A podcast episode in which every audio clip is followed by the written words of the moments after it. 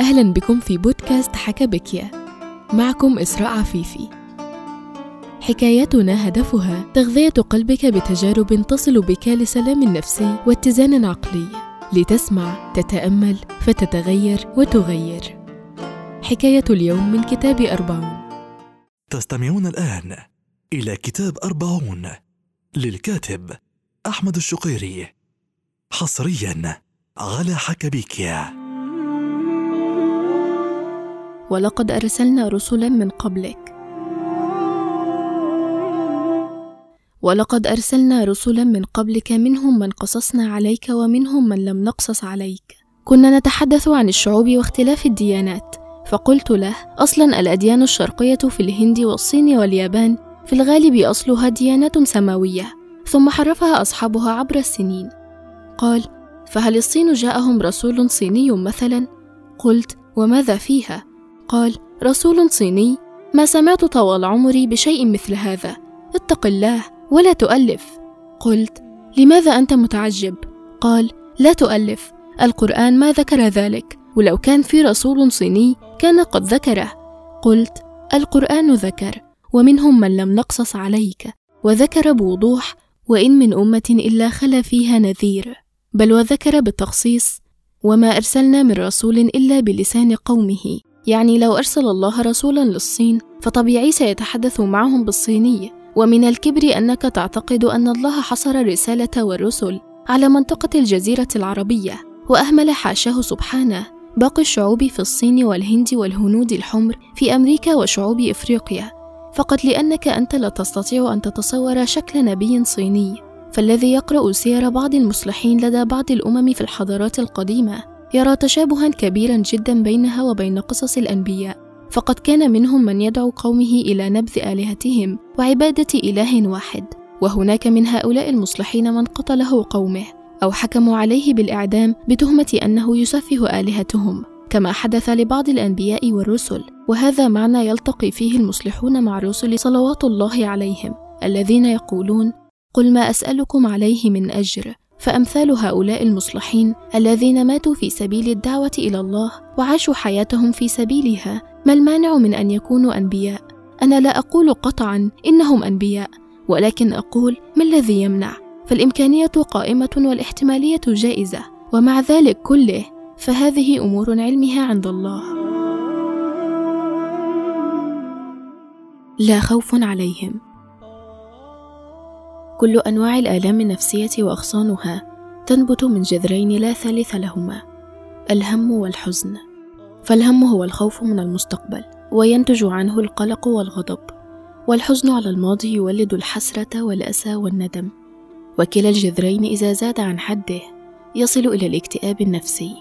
إذا قطعت الشجرة من جذورها انتهى الألم ولذلك نجد الخوف والحزن مقترنين في كثير من الآيات القرآنية. ولنرى الآن العلاج القرآني لهما. من آمن بالله واليوم الآخر وعمل صالحا فلهم أجرهم عند ربهم ولا خوف عليهم ولا هم يحزنون. في الآية ثلاثة أسلحة أساسية تقضي على الهم والحزن. واحد الإيمان بالله. الحزن ضعف عند الإنسان لأنه يشعر أنه لا يستطيع تغيير الماضي. والهم أيضا ضعف لأن الإنسان لا يعلم الغيب. ويخاف من ويلات المستقبل والضعيف يحتاج إلى من هو أقوى منه ليستند عليه. في حياة الرجل العادي إذا كان يعرف شخصا ذا سلطة ومال ونفوذ مثلا معرفة شخصية فإن هذه المعرفة تريحه نوعا ما لأنه إذا حدثت له مشكلة يعلم أن هناك شخصا قويا سيحميه. ولله المثل الأعلى. عندما تكون مؤمنا بالله سيعطيك قوة. سؤال كثير من الناس مؤمنون بالله ولكن مع ذلك يشعرون بالخوف والحزن. فكيف ذلك؟ هنا يجب تعريف المقصود بالإيمان بالله. فهو ليس كلمة ينطقها اللسان وليس مجرد اعتقاد ذهني أن الله هو الخالق. فالإيمان بالله في درجته المقصودة هو وجود علاقه حية وشعورية ووجدانية بينك وبين الله. تشعر أنه فعلا معك ويراك كما تشعر أن رئيس الدولة سيكون معك عندما تطلبه بل أكثر. فهذا ملك الملوك وأقرب إلى العبيد من حبل الوريد. تشعر أنه قادر على إخراجك من أي مشكلة. تشعر أنه إله يتفاعل معك ومع الأحداث التي تحدث لك ويتدخل لمصلحتك. وليس كما يعتقد بعض الفلاسفة أن الله خلق الكون ثم تركه يسير وحده دون تدخله. من دون هذا الشعور فلن يوصل الإيمان بالله اللفظي إلى القضاء على الهم والحزن. اثنان الإيمان باليوم الآخر. هذه عبارة من كثرة ما تكررت فقدت قيمتها عند بعض الناس ولم يستوعبوا أهميتها. فالإيمان بالله بوصفه خالقا لا يكفي لعلاج الإنسان نفسيا فيجب الإيمان باليوم الآخر. لماذا؟ نفرض أنك مؤمن بالله ولكن تؤمن أنه لا حياة بعد الموت وأن الإنسان يذهب للعدم. فمن ثم لن يصبح للحياة أي معنى وسيكون التفكير كالآتي. ما معنى هذه الحياة؟ نأكل ونشرب ونبحث عن المتع ولكنها حياة مليئة بالمآسي والألم.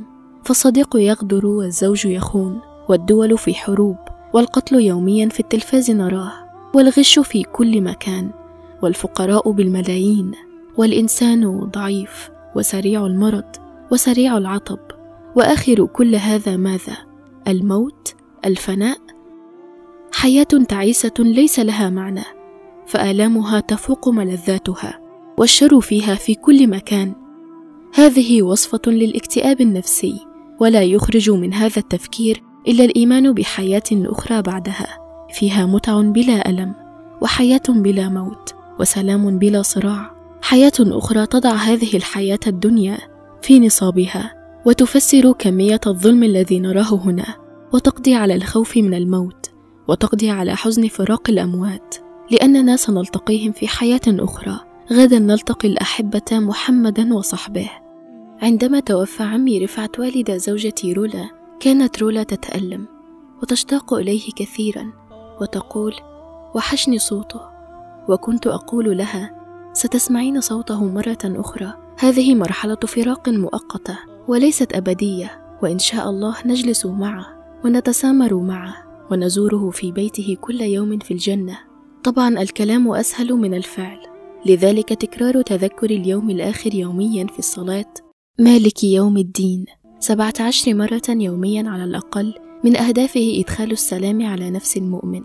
ثلاثة عملا صالحا. ما الأعمال الصالحة التي تذهب الهم والحزن؟ الذين ينفقون أموالهم بالليل والنهار سرا وعلانية فلهم أجرهم عند ربهم ولا خوف عليهم ولا هم يحزنون. فالخوف من الفقر والحزن على فقد المال علاجه الإنفاق. فالذي ينفق ماله يعلم أنه ما نقص مال من صدقة ويعلم هل جزاء الإحسان إلا الإحسان ويعلم أن الله سيفتح له في الرزق جزاء إنفاقه. فهذه قوانين كونية مثل قانون الجاذبية. فكل شيء يرتفع يجب أن تجذبه الجاذبية.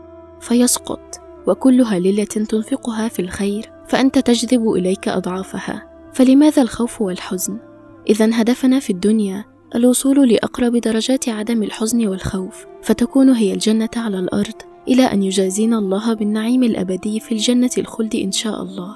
لذلك قال ابن تيمية إن في الأرض جنة من لم يذقها لم يذق جنة الآخرة. قد يسأل سائل كيف أن موسى عليه السلام خاف عندما وجهه الله لملقاة فرعون فها هو يعبر عن خوفه؟ قال رب إني أخاف أن يكذبون ويضيق صدري ولا ينطلق لساني فأرسل إلى هارون ولهم علي ذنب فأخاف أن يقتلون. فموسى خاف وهو كليم الرحمن. الجواب إن هذا في بداية بعثته عليه السلام والنبي يؤدبه ربه. ويربيه عبر مسيرة نبوته ليرتقي في المقامات بالتدريج وهذا أمر ننساه في الأنبياء إذ ننسى أنهم بشر فالرسول صلى الله عليه وسلم علاقته بالله أول يوم من النبوة بالتأكيد ليست هي نفسها في يوم وفاته بعد ثلاثة وعشرون سنة من التأديب والتهذيب الإلهي. فالرسول صلى الله عليه وسلم كان يرتقي مع الأحداث لذلك قال أدبني ربي فأحسن تأديبي والتأديب يحتاج إلى وقت ولا يأتي فجأة وكذلك مع باقي الأنبياء. لذلك نرى موسى عليه السلام نفسه بعد مدة من الترقي في المقامات تفاعله اختلف عندما خرج من مصر مع بني إسرائيل وحوصر بين البحر وجيش فرعون فقال له بنو إسرائيل فلما تراءى الجمعان قال أصاحب موسى إنا لمدركون فلم يجبهم موسى عليه السلام بأنه خائف. فقد كان جوابه فورا قال كلا إن معي ربي سيهدين. هذا هو الإيمان بالله الذي تحدثنا عنه. إيمان شعر به موسى عليه السلام بكل أعماقه. فكان الجواب فورا قال كلا إن معي ربي سيهدين. ثقة عمياء بالله تعالى وهذه لا تأتي بين يوم وليلة. وإنما تحتاج إلى سنوات من مجاهدة النفس وتربيتها فهو مقام مرتفع لا يحصل عليه إلا المقربون الذين قربت قلوبهم من الله فجازاهم الله أمنا وسلاما وهو المقام الذي عبر عنه أحد العارفين عندما سأله صديقه كيف حالك؟ فقال أفتش عن الهم فلا أجده اللهم بلغنا هذا المقام يا رب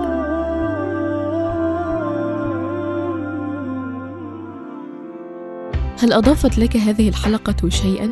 هل فكرت بتفكير مشابه لهذا أو قمت بفعل ملهم؟